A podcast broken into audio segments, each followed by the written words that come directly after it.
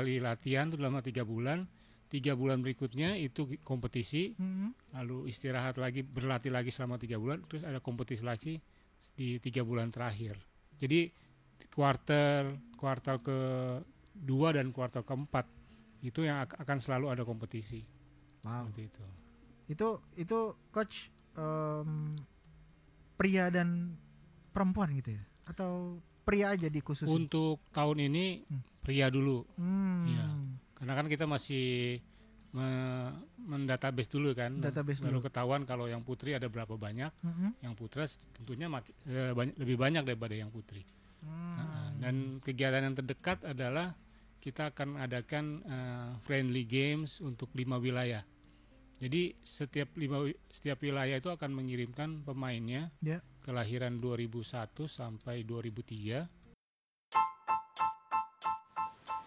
Coach to Coach Podcast adalah sebuah podcast yang isinya tentang olahraga futsal yang dimainkan di dalam ruangan empat pemain dan satu kiper. Nah di podcast ini kita akan bicara soal teknik, taktik maupun informasi-informasi mengenai jadwal dan hasil pertandingan, terutama di Liga Asosiasi Akademi Futsal Indonesia atau AFI. Nah, kita akan menampilkan juga narasumber-narasumber dari berbagai eh, tempat dan pelatih-pelatih yang berkualitas. Semoga obrolan ini bermanfaat bagi pemirsa. Selamat mendengarkan.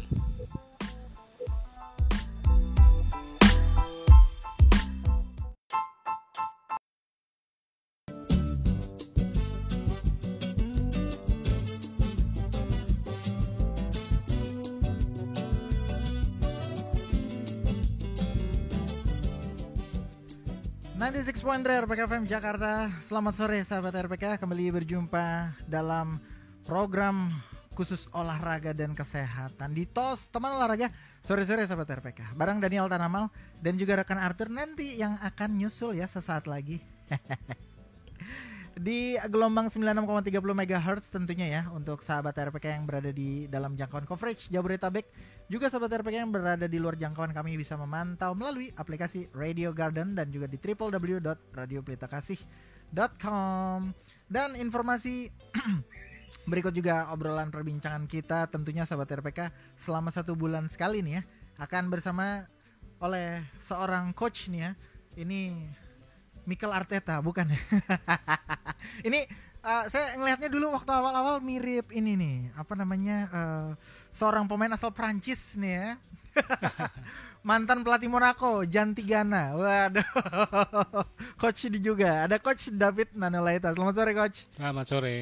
apa kabar coach? Puji Tuhan baik. Coach David nih diehardnya Arsenal nih. Ya, sahabat RPK yang Arsenal ya boleh nanti kirim SMS atau WhatsApp ya. Eh boleh nanti boleh tanya-tanya juga sahabat RPK karena coach kalau datang selalu bawain topik-topik yang menarik ya.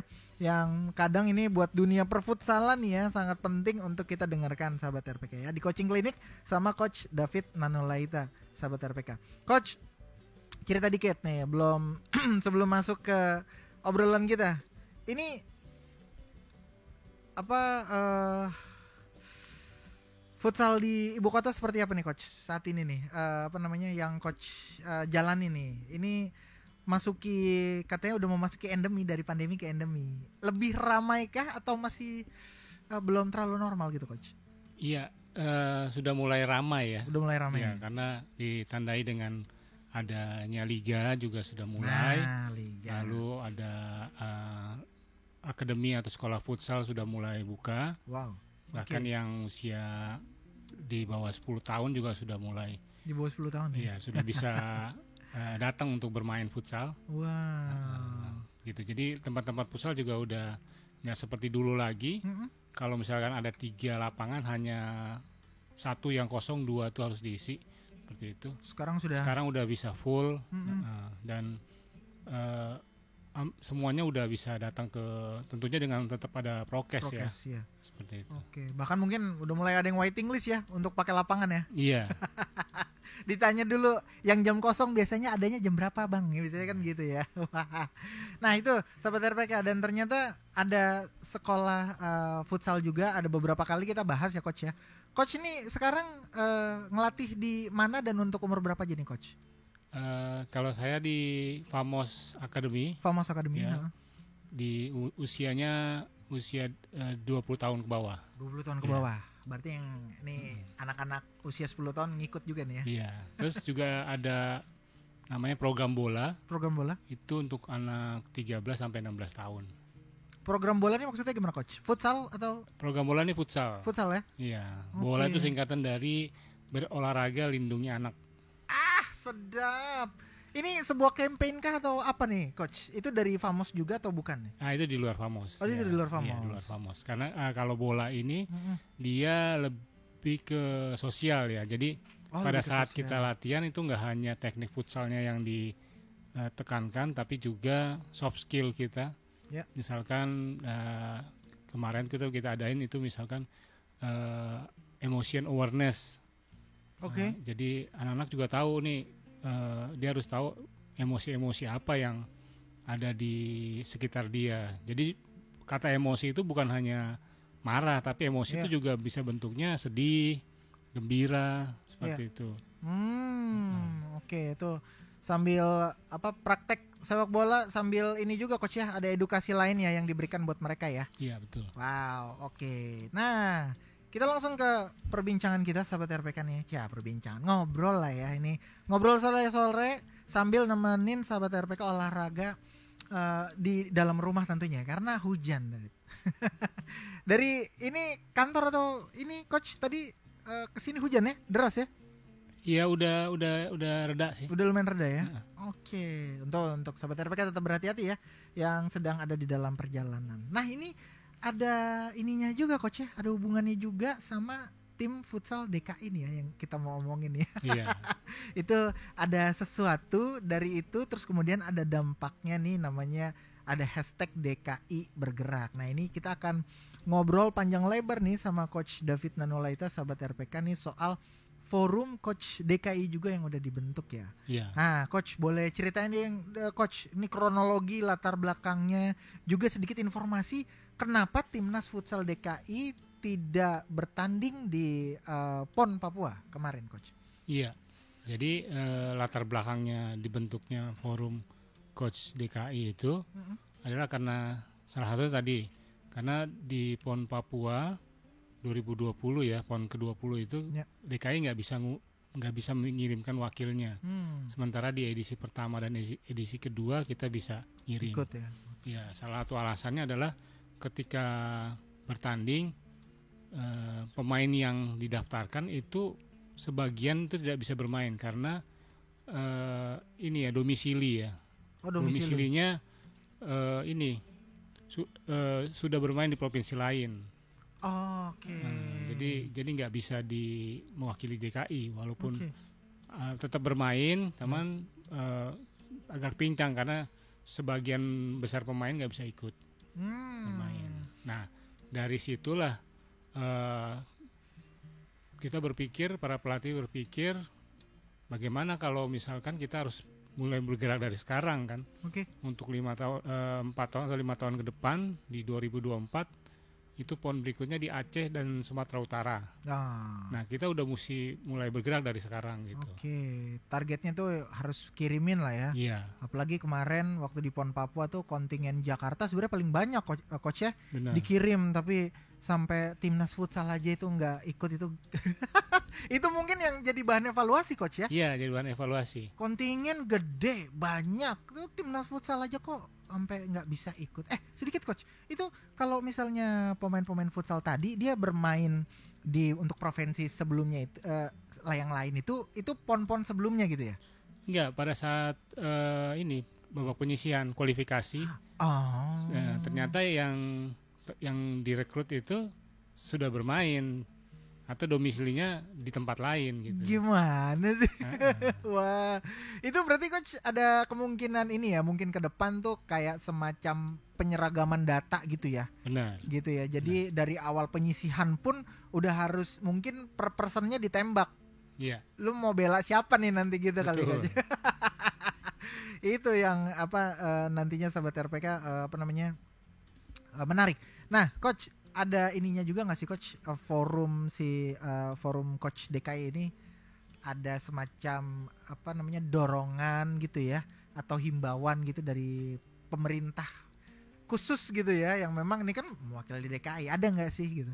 Eh, untuk saat ini baru para pelatih ya. ini Baru-baru. dari eh, apa aspirasi dari para pelatih. Hmm. Jadi para pelatih berkumpul di lima wilayah dan memang sebenarnya cukup banyak pelatih di DKI. Hmm. Terus juga eh, yang kita pikirkan adalah database tadi pemain, Ah, database pemain. Ya, ya. Karena di DKI itu eh, bersinggungan dengan banyak eh, provinsi ya. Ya. Kayak di timur itu banyak lat- eh, apa klub akademi futsal atau sekolah futsal Ya. yang anggotanya ternyata bukan orang J- Jakarta Timur.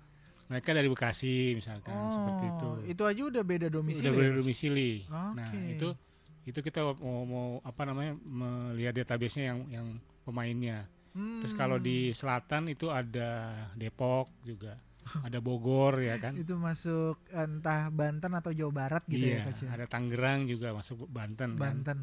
Nah, Ah. Kalau di iya di barat juga masuk ke Tangerang juga. Mhm. Jadi eh, jadi kita mau rapikan dulu database-nya baik database sekolah futsal Hmm. Ya. maupun database pemainnya. Hmm, ini Nah. tentu yang namanya ngerapin data gitu coach ya. Itu butuh banget yang namanya waktu ya, Betul. tenaga, pikiran dan juga belum untuk ininya nih eh, orang-orangnya yang akan di tracking ya sahabat RPK itu tentunya apa ya eh, butuh banget banyak eh, dukungan seperti itu. Nah nanti kita juga mau tanya-tanya sama coach ya soal Ya. forum coach DK ini siapa aja sih di dalamnya gitu ya ada Ya. tokoh-tokoh khusus nggak dan kemudian nanti berkegiatannya seperti apa selain tadi eh, mengumpulkan database dan data-data tadi coach ya. Hmm. Oke sahabat RPK nanti kita akan kembali lagi tentunya sahabat RPK di TOS ya eh, teman olahraga sore-sore setelah yang satu ini.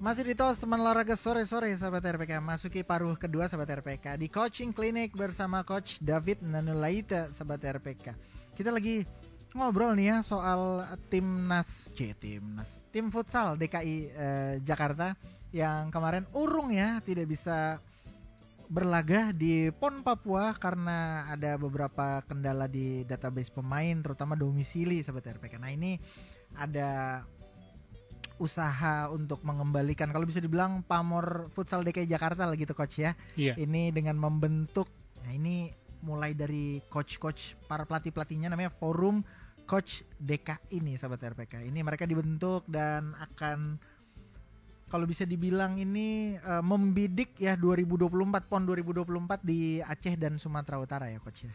Coach, boleh cerita dong, ini siapa aja nih inisiator penggagasnya? Waktu itu ngumpulnya gimana sampai kebentuk soal forum coach DKI ini nih? Iya.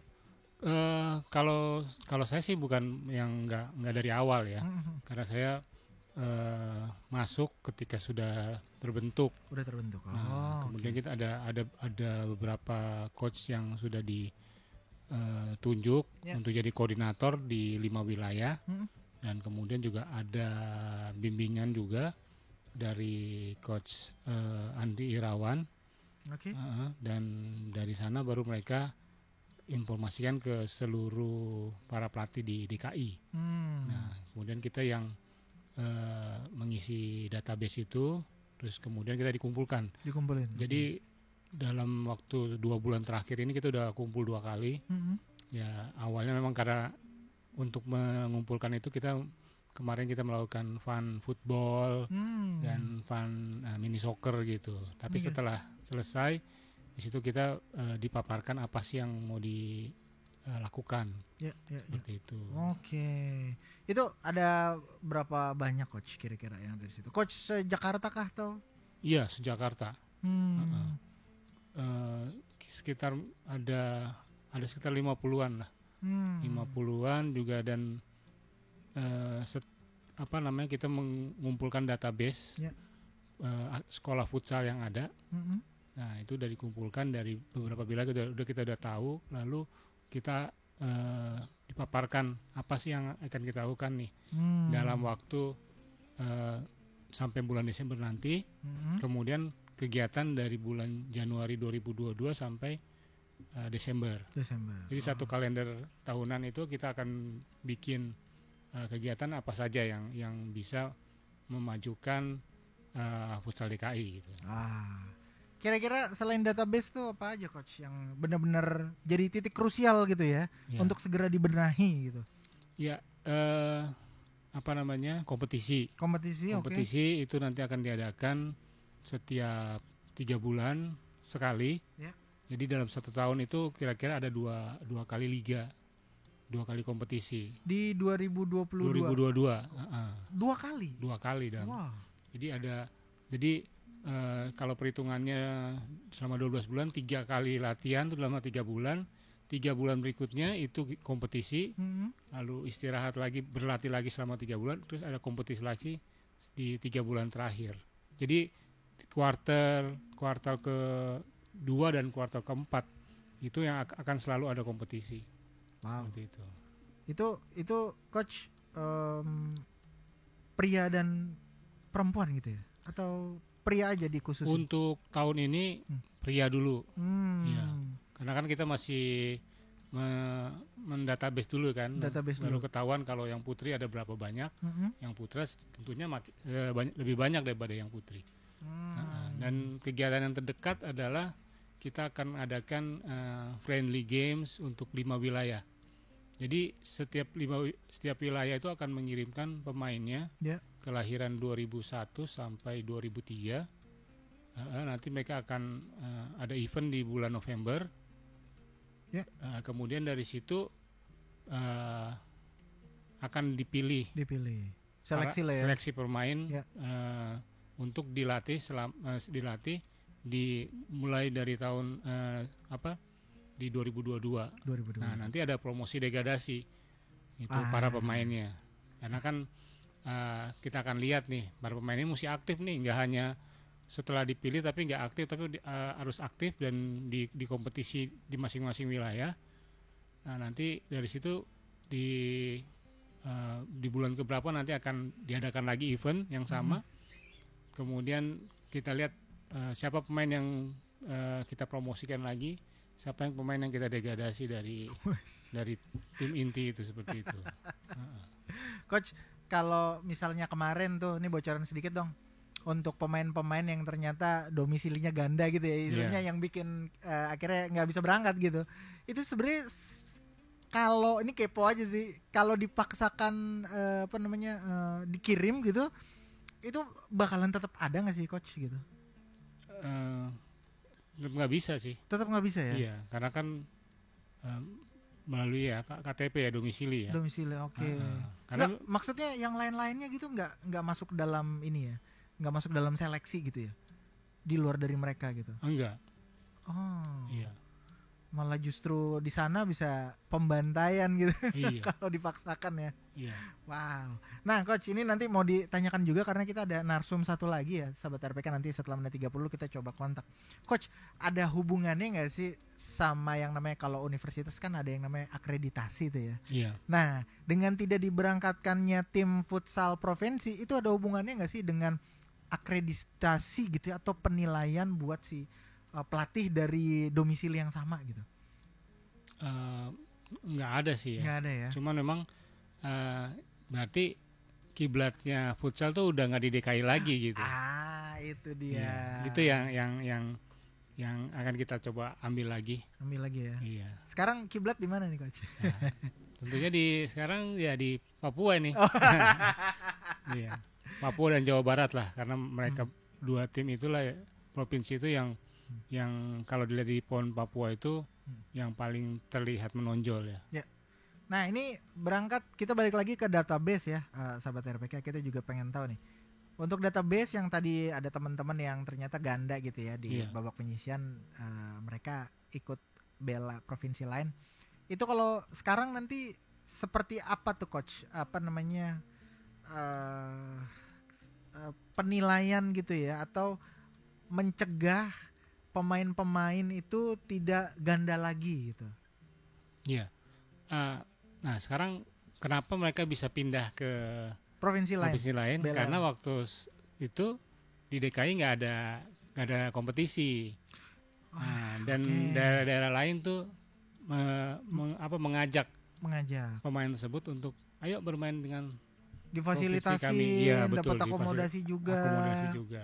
Mereka juga dapat jam terbang juga ya Benar. untuk kompetisi. Ya dan eventnya kan nasional. Hmm. Nah, itu itu juga daya tarik buat anak muda sebenarnya ya. Iya iya iya. Ya, mereka eh, pengen dihargai juga Betul. seperti itu. Berarti kalau ada provinsi lain yang suka dengan mereka berarti value-nya sebenarnya dia tinggi. Tinggi. Ah, ah. Hmm. Nah, karena di DKI nggak ada, Pindah udah. deh mereka. Eh, mungkin karena anak muda juga kadang-kadang nggak pikir panjang.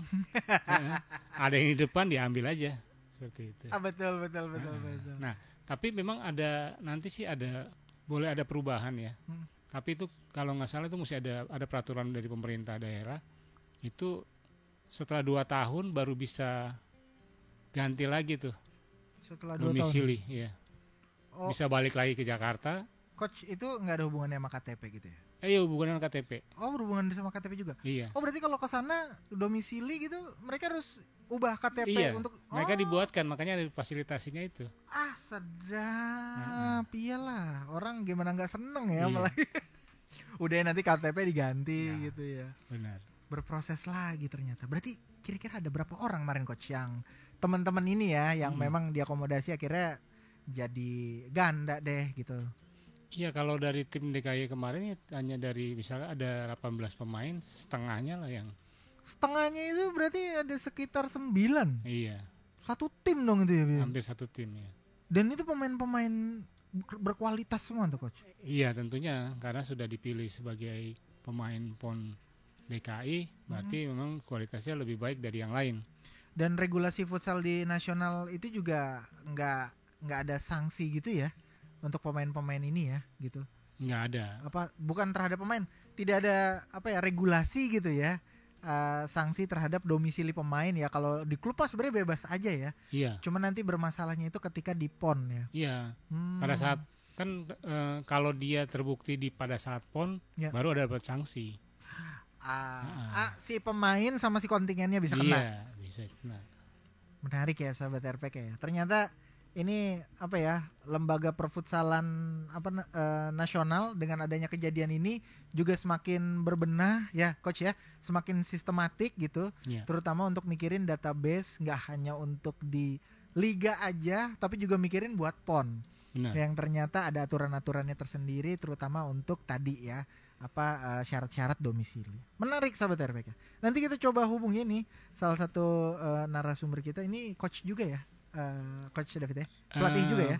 Dia enggak, dia punya sat- salah satu sekolah futsal. oh sekolah futsal. Iya. punya sekolah futsal. Ah ini seru nih. Nanti sahabat RPK kalau misalnya mau tanya-tanya soal sekolah futsal ini juga nanti di sana bisa. Tapi setelah yang satu ini kita samakan dulu tanda waktu kita ya. Berikut ini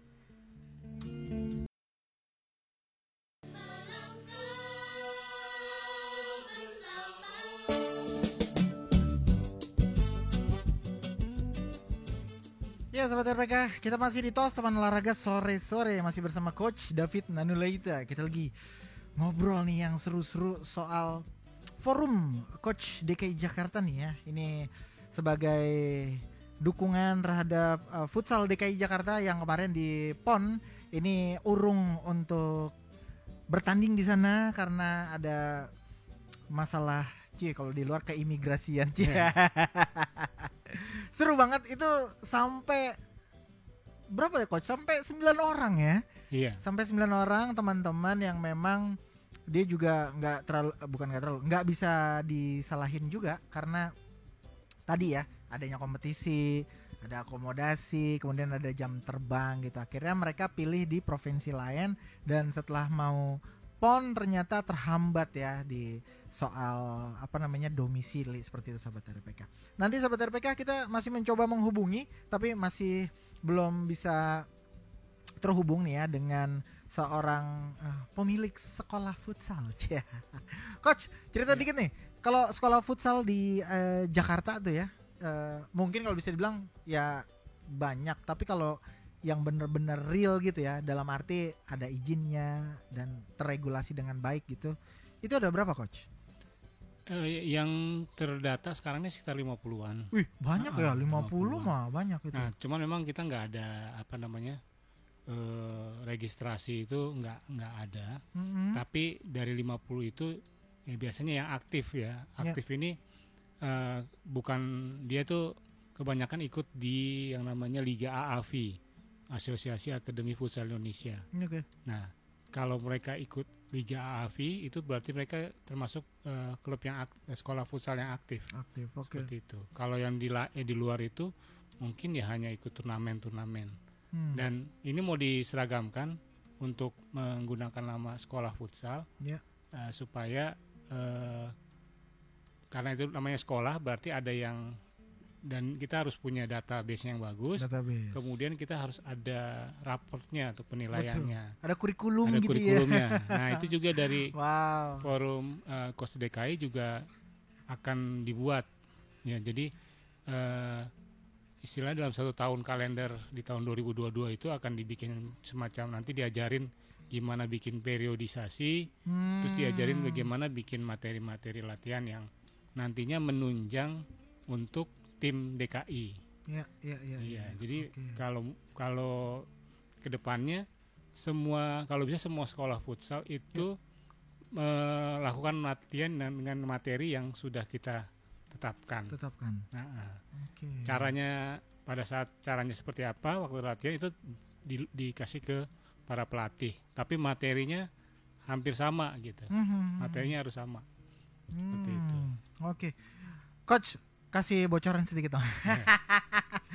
paling paling paling itu berapaan sih coach apa namanya eh, biaya gitu ya Iya. Eh, paling paling high gitulah ya paling high itu sekitaran berapa gitu coach ancar-ancar gitu Untuk ini sekolah futsal. sekolah ya? futsal Iya.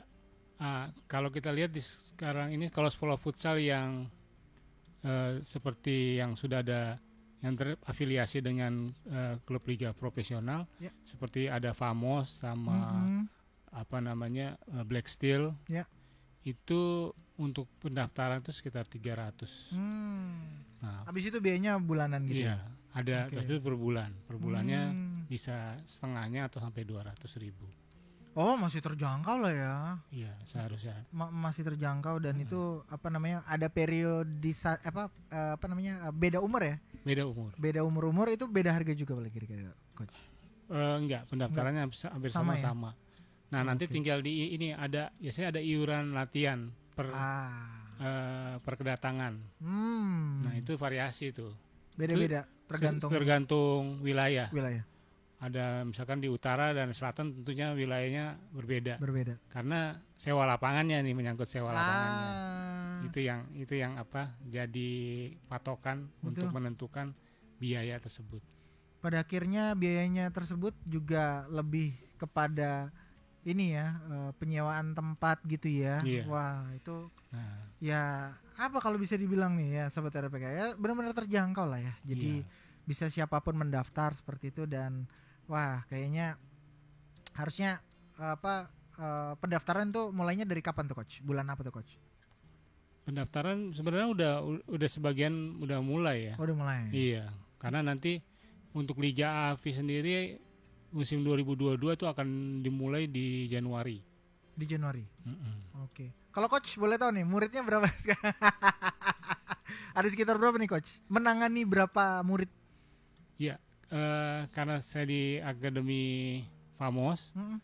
itu usia 20 itu ada sekitar 25. uh lumayan ya 25 Iya. orang Nah, dan Oke. dan kalau di Famos Academy itu kita eh, targetin mereka itu akan ikut eh, ikut namanya Jakarta Futsal League. Jakarta Futsal, Futsal Iya. League. Oke. Ini udah musim kedua nanti di bulan Januari kita Ya. akan masuk ke musim kedua. menarik sahabat RPK yang ingin mungkin menyekolahkan anak-anaknya ya ponakan sepupu siapa pun gitu ya itu masih terbuka lebar tuh ya untuk bisa mengikuti uh, program-program dari sekolah futsal ini sahabat RPK kita balik lagi nih ke forum uh, coach DKI nih eh, coach mungkin bisa dibocorkan juga nih ya kira-kira di forum coach DKI ini nih nantinya bakal bersinergi dengan siapa nih kan karena kalau yang namanya ngurusin orang dia Iya. apalagi database nih butuh apa nih kalau bisa dibilang ya butuh dukungan yang sangat banyak ya gitu bakalan menggandengkah yang namanya pemerintah juga karena ada hubungannya sama bawa nama Jakarta nih nanti nih untuk ke PON di Aceh dan Sumatera Utara ya Iya. Heeh. Ya, tentunya nanti kita harapkan dari Asprov DKI juga eh, menyambut kita un- untuk bisa kerjasama. Hmm. Karena kan nanti yang membawa eh, kontingen ini kan dari Asprov DKI ya, ya ya ya, ya. dari KONI juga, KONI-nya KONI juga ya? DKI. oke Nah, tapi juga kita ada ada bantuan juga ini dari teman-teman dari UNJ. Mm-mm. Ya. Eh, apa nih bantuannya nih coach? Bantuannya berupa misa- eh, seperti membuat kurikulum, kurikulum terus juga ada fasilitas juga yang dipakai di eh, lapangan karena eh, kita udah punya lapangan futsal di Gor UNJ ini nanti akan jadi salah satu tempat untuk eh, tuan rumah eh, Liga Futsal Profesional nih di bulan Desember. bulan Desember Iya. bulan Desember nih hujan-hujanan Eh, Oke, itu apa eh, sahabat RPK eh, sinergi nih ya yang akan dilakukan oleh forum coach eh, DKI ini. Home base-nya di mana nih coach? Kalau boleh tahu nih di Jakarta.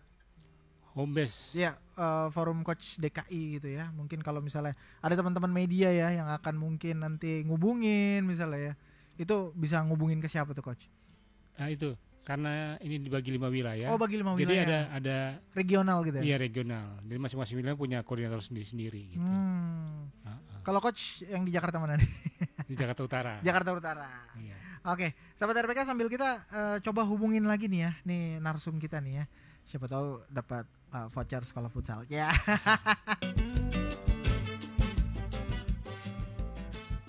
Sahabat RPK, ini nggak kelar-kelar kalau ngomongin yang namanya futsal ya. Aduh seru banget nih ya. Belum ngomongin tim ini coach-coach pelatih-pelatih udah bikin forum nih ya, terutama di DKI Jakarta ya. Tadi ya untuk take back their proud. Ya soal uh, a- a- apa coach namanya coach? Kiblat. kiblat. Ih serem ya. Uh, kiblat futsal nasional harusnya di ibu kota gitu ya. Iya. seru nih. Dan lebih seru lagi sahabat RPK karena kita sudah tersambung dengan seorang uh, manajemen forum juga ya di coach DKI dan tadi coach David bilang nih salah seorang pemilik uh, sekolah Futsal. futsal. Bisa dibilang akademi juga coach ya Iya. Oh itu namanya eh, Bang Sobihin nih. Selamat sore Bang Sobihin. sore juga. Selamat sore Coach David. Selamat sore. Iya. Bang Sobihin apa kabar? Eh, baik baik Baik, Bang ya. Nggak kehujanan kan Bang? Iya ini dia kalau di dalam mah nggak kehujanan, kalau di luar terlihat mendung itu. Bang Sobihin apa pas lagi latihan juga nih latihan futsal? Enggak. Mm-mm. Oh enggak ya? Ya, Oke. ya ma- di dalam ini Di masih di, dalam. Jadi bisa kita gangguin sebentar ya. Iya. Oke, siap. Bang nih tadi kita ngobrol sama Coach David juga nih soal tadi ya. Ini salah satu impian mereka ya, bukan impian sih ya, usaha mereka untuk mengembalikan kiblat futsal itu ke ibu kota Jakarta ya, karena kemarin eh, kontingen eh, Jakarta salah satunya yang futsal gagal bertanding di PON Papua nih Bang ya, dan karena itu ada forum coach DKI. Nah nih Bang Sobihin nih termasuk bagian dari manajemen forum coach DKI. Ini ini tadi sih udah tanya ke coach David. Itu awalnya itu gimana itu Bang? Bisa tiba-tiba teman-teman bisa kompakan ngebentuk forum ini nih Bang. Iya, eh, mohon izin nih eh, Coach David ya.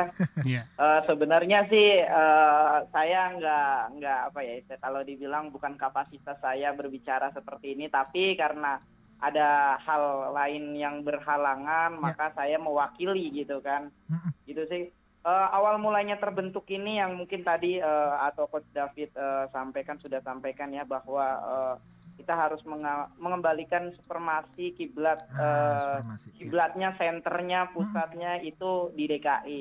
Nah selama berturut tiga tahun ya kita tidak mengikuti eh, agenda besar nasional ya yang menurut kita semua, waduh ada apa ini? Makanya kita mencoba untuk ayo eh, memperbaiki bareng-bareng dan kebetulan semua coach di wilayah masing-masing utara, selatan, barat, pusat, timur itu kompak dan Hmm. ya terbentuklah forum Kuaces DKI tujuannya untuk ke sana, mengembalikan kiblat lagi yang tadi Coach David sampaikan. Ya. Kiblatnya futsal ada di DKI gitu sih. Jadi semacam pada terbakar gitu bang ya, biar balik lagi. Iya. nih. nah, bang Sobihin, ini tadi Coach David juga udah ngomong salah satu usaha nanti yang akan dilakukan tentunya untuk menuju PON 2004, 2024 di Aceh dan Sumatera Utara bang ya, kontingen DKI Jakarta bang ya untuk yang futsal ya. Nah itu salah satunya kan adalah database gitu ya Iya. Coach, sama juga akan menyelenggarakan kompetisi. Iya. Nah betul, betul, betul. itu sejauh apa nih bang nanti kira-kira penyelenggaraan terutama soal uh, kompetisi nanti yang kalau nggak salah akan dilaksanakan dua kali ya coach ya dalam dua tahun tuh dalam setahun. eh dalam setahun itu itu udah seberapa jauh tuh bang iniannya rencananya planningnya tuh bang Jadi kalau kita berbicara untuk persiapan-persiapan menuju ke 2024 itu kita sudah eh, agendakan alias eh, programkan gitu ya. Baik itu kemarin kita sudah eh, men-screening eh, Iya. apa klub-klub atau sekolah futsal yang ada di DKI Jakarta terutama database yang tadi bilang eh, Iya. Coach David database eh, sekolah futsal di dalamnya mungkin ada pelatih di dalamnya ada SDM pemain seperti itu maka setelah itu kita bentuk yang namanya eh, program untuk apa ya mewadahi mereka berkompetisi di wilayah masing-masing tentunya dengan eh, KTP DKI gitu selain DKI maka Hmm. tidak bisa mengikuti event ajang ini gitu kan oh, oke gitu. Terus untuk mempersiapkannya berapa lama? Ini emang kita eh, apa ya kalau kita bilang itu ya mulai dari sekarang sebenarnya dari kemarin itu udah hampir eh, empat bulan ya empat bulan itu kita Mhm. sudah eh, mempersiapkan dan kebetulan di bulan November ini kalau nggak salah kita eh, ada agenda di mana eh, akan friendly match di masing-masing wilayah timur, selatan, barat oke. Eh, sama eh, utara pusat. Itu masing-masing sudah mempersiapkan eh, SDM pelatih sama eh, SDM pemain yang akan bertanding di kompetisinya. Gitu Wow. sih. Wow itu yang paling menarik tadi ya bang yang soal keikutsertaan di kompetisi. Ternyata KTP domisilinya harus DKI Jakarta bang ya betul betul betul Oke. Ah, apakah akan mengakomodasi misalnya anak-anak dari luar DKI Jakarta yang istilahnya kepengen ikutan tuh bang walaupun domisili KTP-nya berbeda gitu bang? Eh, tetap eh, kita tidak bisa karena Hmm. kita prioritaskan karena berkaitan dengan eh, PON 2024. Ya. Kenapa? Kalau kita mengulang kembali ke flashback ke belakang, kenapa eh, administrasi kita gagal ke PON itu gara-gara administrasi kan istilahnya ternyata sangat penting gitu. Iya. Kita nggak boleh ini. Kalaupun eh, dia pengen ikut berarti dia hanya mungkin belajar saja di akademi-akademi yang ada di Hmm. Jakarta atau sekolah futsal yang ada di Jakarta. Tapi untuk eh, kompetisi yang eh, perwia yang dikhususkan untuk eh, perwilayah khususnya DKI Jakarta wajib eh, ber-KTP DKI. Kalaupun dia benar-benar pengen ikut banget gitu, dia punya skill, dia punya antusias tinggi ya, silahkan jadi warga DKI gitu. Apakah Gampang itu. gampang ya? Itu apakah Iya. akan ada semacam bantuan akomodasi gitu ya bang? Soal nanti misalnya ada yang mau pindah domisili tuh bang? Waduh, kalau seperti itu mungkin ya eh, ya dari diri mereka sendiri dulu Ah, gitu. Dia oke. ada niatan dulu enggak. Nah, kalau masalah nanti dibantu atau tidaknya ya berarti kan tergantung nanti dia punya saudara atau tidaknya di Jakarta Di kan Jakarta. seperti itu. Oke. Gitu. Bang, kemarin cerita sedikit dong, mungkin juga ada curhat-curhatan dari uh, forum coach DKI ya. Ini soal uh, gagalnya tim ke PON Papua ya, Bang. Itu sebenarnya kira-kira apa tuh, Bang, yang jadi salah satu PR-nya gitu, Bang ya, biar nggak keulang lagi ya. Selain tadi database gitu, Bang. Hmm, mungkin tadi Coach David sudah sudah eh, cerita banyak kali ya. ya. Kalau kalau saya sih lebih eh, mementingkan atau menggarisbawahi kenapa gagalnya di administrasi yaitu Hmm. ternyata kita harus benar-benar eh, dari bawah penguatan dari bawah-bawah kita punya pemain-pemain DKI itu banyak sekali. Hmm. Tidak perlu kita ambil dari luar sebenarnya seperti itu. Makanya kita eh, kelola SDM yang ada terutama Hmm. di DKI di masing-masing wilayah gitu. Justru Gitu pro- sih. justru provinsi lain yang istilahnya dalam tanda kutip ngebajak gitu ya, Bang ya, pemain-pemain DKI ya. Iya, malah pemain-pemain kita pada terbang tuh. Oh iya keluar ya kan sedih gitu. Kadang di situ sedih. Bang itu ada kemungkinan diterima kembali juga kan ya Bang ya untuk teman-teman yang sudah pindah domisili tapi dia mau balik lagi ke Jakarta gitu Bang. Oh iya harus kan kalau nggak salah di uh, Dukacil itu Dukcapil ya. Dukcapil, ya? Dukcapil ya Dukcapil itu kan ada sistem yang notabene-nya uh, mendeteksi mereka berapa tahun di sini dia akan kembali lagi ke sini berapa tahun untuk mengakui warga negara DKI. Seperti itu sih. Wow. Itu kemarin saya sempat uh, apa ya datang uh, dan langsung itu emang benar ada ada apa ya kayak semacam screening gitu tapi mendeteksi bahwa ini udah pernah jadi warga ini berapa bulan kayak gitu. Jadi akan ketahuan gitu. Hmm, oke. Okay. Hmm. Coach David ada pertanyaan kah? Kepada Bang uh, Sobihin nih. Bang Sobihin juga punya akademi ini Bang ya? Iya. Wow. Punya di utara juga sama dekat uh, Coach David. Oh, oh, tetanggaan. Tetanggaan.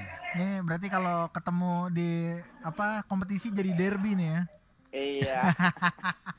Bang Sobihin. Energi lah. Ah iya. Tadi udah nanya ke Coach David juga. Ini terkait sama apa namanya uh, arus gitu ya. Ini orang-orang balik lagi nih ya setelah pandemi uh, nanti diprediksi jadi endemi. Udah mulai banyak lagi yang mulai uh, latihan futsal ya bang ya, datang-datang lagi ya. Iya. Kalau hmm. saya lihat kemarin pas waktu screening itu per kategori usia itu uh, udah mulai berdatangan banyak sekali. Hmm. Tetapi saya selalu menekankan kepada sekolah futsal. Yeah bahwa yang boleh mengikuti latihan itu yang sudah vaksin ah. dan sudah ada izin dari orang tua gitu karena menandakan bahwa anak ini benar-benar sehat gitu sih. Iya, dari itu juga sebagai pertanggungjawaban juga dari pengurus akademi Bang Sobin ya. Iya, betul betul. Oke. Bang Sobin mungkin nih uh, terakhir nih Bang Sobin mungkin ada himbauan dan juga ajakan nih terutama untuk para pendengar radio yang mungkin punya anak-anak gitu ya atau mereka yang muda-muda nih ya yang apa punya interest keinginan untuk bermain futsal nih Bang. Silakan Bang. Oke, uh, sahabat radio di mana pun ya. yang mendengarkan hari ini uh, acara TOS ya? Ya, TOS. Teman olahraga sore-sore, betul. betul Iya, betul. Uh, Bapak, Ibu, anak-anak uh, atau kaum pemuda yang ingin uh, mencurahkan cita-citanya, mengimpikan cita-citanya, pengen jadi pemain futsal, silahkan uh, daftarkan di sekolah-sekolah futsal yang sudah uh, terverifikasi di wilayahnya masing-masing. Itu di Jakarta Utara ada, di Jakarta Selatan juga sudah ada, di Jakarta Timur juga sudah ada, di Jakarta Pusat dan Barat pun banyak juga sudah ada. Silahkan hmm. uh, daftarkan agar uh, teman-teman semua uh, pendengar radio yang setia hari ini mendengarkan TOS bisa jadi uh, pemain yang luar biasa terutama membanggakan ibu kota khususnya dan uh, utamanya adalah Indonesia. Sedap. Gitu sih. Baik, Bang Sobian terima kasih untuk interaksinya ya pada sore ya, hari ini Bang terima ya. Terima kasih juga. Terima kasih ya, Coach ya. David. Terima kasih. Ya, selalu. Sukses dan sehat selalu. Itu tadi Bang Sobihin, ini bagian dari manajemen forum Coach uh, eh, DKI bener-bener ditekenin ternyata coach ya yeah. yang namanya database tadi yeah. biar nggak kesalahan yang sama uh, terulang lagi itu bahaya ya ternyata yeah, ya. Betul. Dan tadi ya berhubungan sama Dukcapil juga ternyata teman-teman yang udah bermain sama provinsi silakan masih bisa next masih bisa uh, balik lagi. Oke, seperti itu sahabat RPK. Ini uh, di akhir dari uh, perjumpaan kita sahabat RPK. Coach, makasih banget yeah. untuk kebersamaannya pada hari ini dan juga memberitahukan sahabat RPK bahwa ternyata ini pamor DKI Jakarta terutama soal kiblat ya. uh, futsal perlu dikembalikan ya dan salah satunya adalah pembentukan dari forum coach DKI guna memberangkatkan ya, tapi lebih dulu mensinergikan di dalam kemudian memberangkatkan mereka untuk PON 2024 di Aceh dan Sumatera Utara. Gue baru tahu nih bakalan ada di Aceh sama Sumatera Utara ternyata. 2024 masih sekitar tiga tahun lagi coach ya. Iya tiga tahun lagi. Ah itu cepet itu. Kalau buat orang kompetisi sepak bola itu sekejap gitu ya. Itu bakalan cepet itu. Itu saja sahabat RPK. Uh, eh, Coach akan kembali lagi ngobrol di coaching clinic tentunya di bulan depan ya setiap se- sebulan sekali eh, sahabat RPK. Terima kasih untuk juga sahabat RPK yang udah ada interaksi tadi di beberapa di YouTube lupa bacain. Nanti kita akan kembali lagi tentunya di minggu depan eh, masih di teman olahraga sore-sore bareng saya dan juga Arthur Thyssen nih ya, yang lagi super sibuk karena besok ada acara hajatan. Oke, sahabat RPK, eh, Daniel Tanamal pamit undur diri dan juga Coach David Nanulaita. Selamat sore, bye.